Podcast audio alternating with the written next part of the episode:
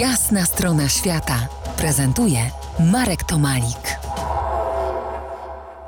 Rozmawiamy dziś o wielkiej podróży psim zaprzęgiem, książce duńskiego podróżnika Knuda Rasmussena, który był pół-inuitą. Książka Knuda jest kopalnią wiedzy o nas samych, przynajmniej mnie się tak wydaje po przeczytaniu tej książki. Tak naprawdę jest to książka o istocie człowieczeństwa, przynajmniej też ja tak ją odbieram, bo w opisywanych przez niego mm, małych społecznościach, porozrzucanych po krainie wiecznego zimna, jak w soczewce rysuje się obraz człowieka, jego pierwotnych pragnień i wierzeń. Czy tłumacząc książkę Rasmusena miałaś podobne, podobne refleksje? Zgodziłabym się z tym, że, że wynika taki obraz z niej, który może odnosić się do czegoś uniwersalnego, chociaż biorąc pod uwagę cel i działania Rasmusena, myślę, że też chodziło mu o to, żeby pokazać całą tę różnorodność świata Inuitów. Że to było jego głównym celem, ale rzeczywiście, no tak bym mogła powiedzieć, że, że, że w gruncie rzeczy jest to, jest to po prostu książka o człowieku. Inuici są tutaj zdecydowanie tra traktowani z szacunkiem. Mamy tutaj do czynienia z taką postawą e, zrozumienia, szacunku albo właśnie chęci zrozumienia tej innej kultury. Może ja zacytuję tutaj dwa zdania z tejże książki. Jedno z głównych przykazań głosi, aby obchodzić się z codzienną strawą z głęboką czcią, żeby nic się nie zmarnowało.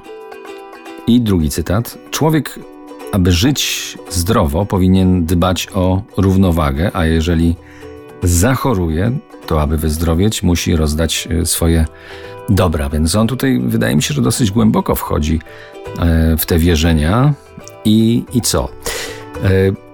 E, wydaje mi się, że choć zdobycie wiedzy o wierzeniach, praktykach szamańskich jest w społecznościach inuickich bardzo trudne, powiedziałbym, że porównywalnie trudne jak u aborygenów australijskich, to Knut radzi sobie z tym, z tym wchodzeniem w ten świat szamański, świat wierzeń, ten trochę pozamykany świat, dosyć łatwo.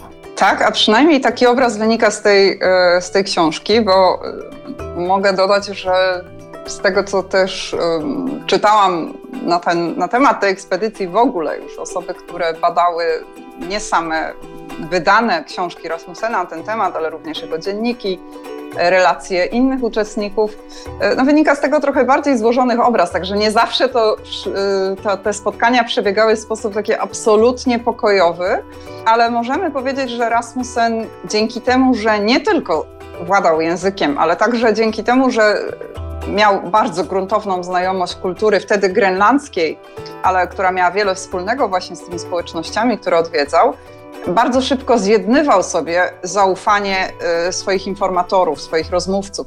Do książki słynnego podróżnika duńskiego wrócimy za kilkanaście minut. Zostańcie z nami po jasnej stronie świata. To jest jasna strona świata w RMS Classic.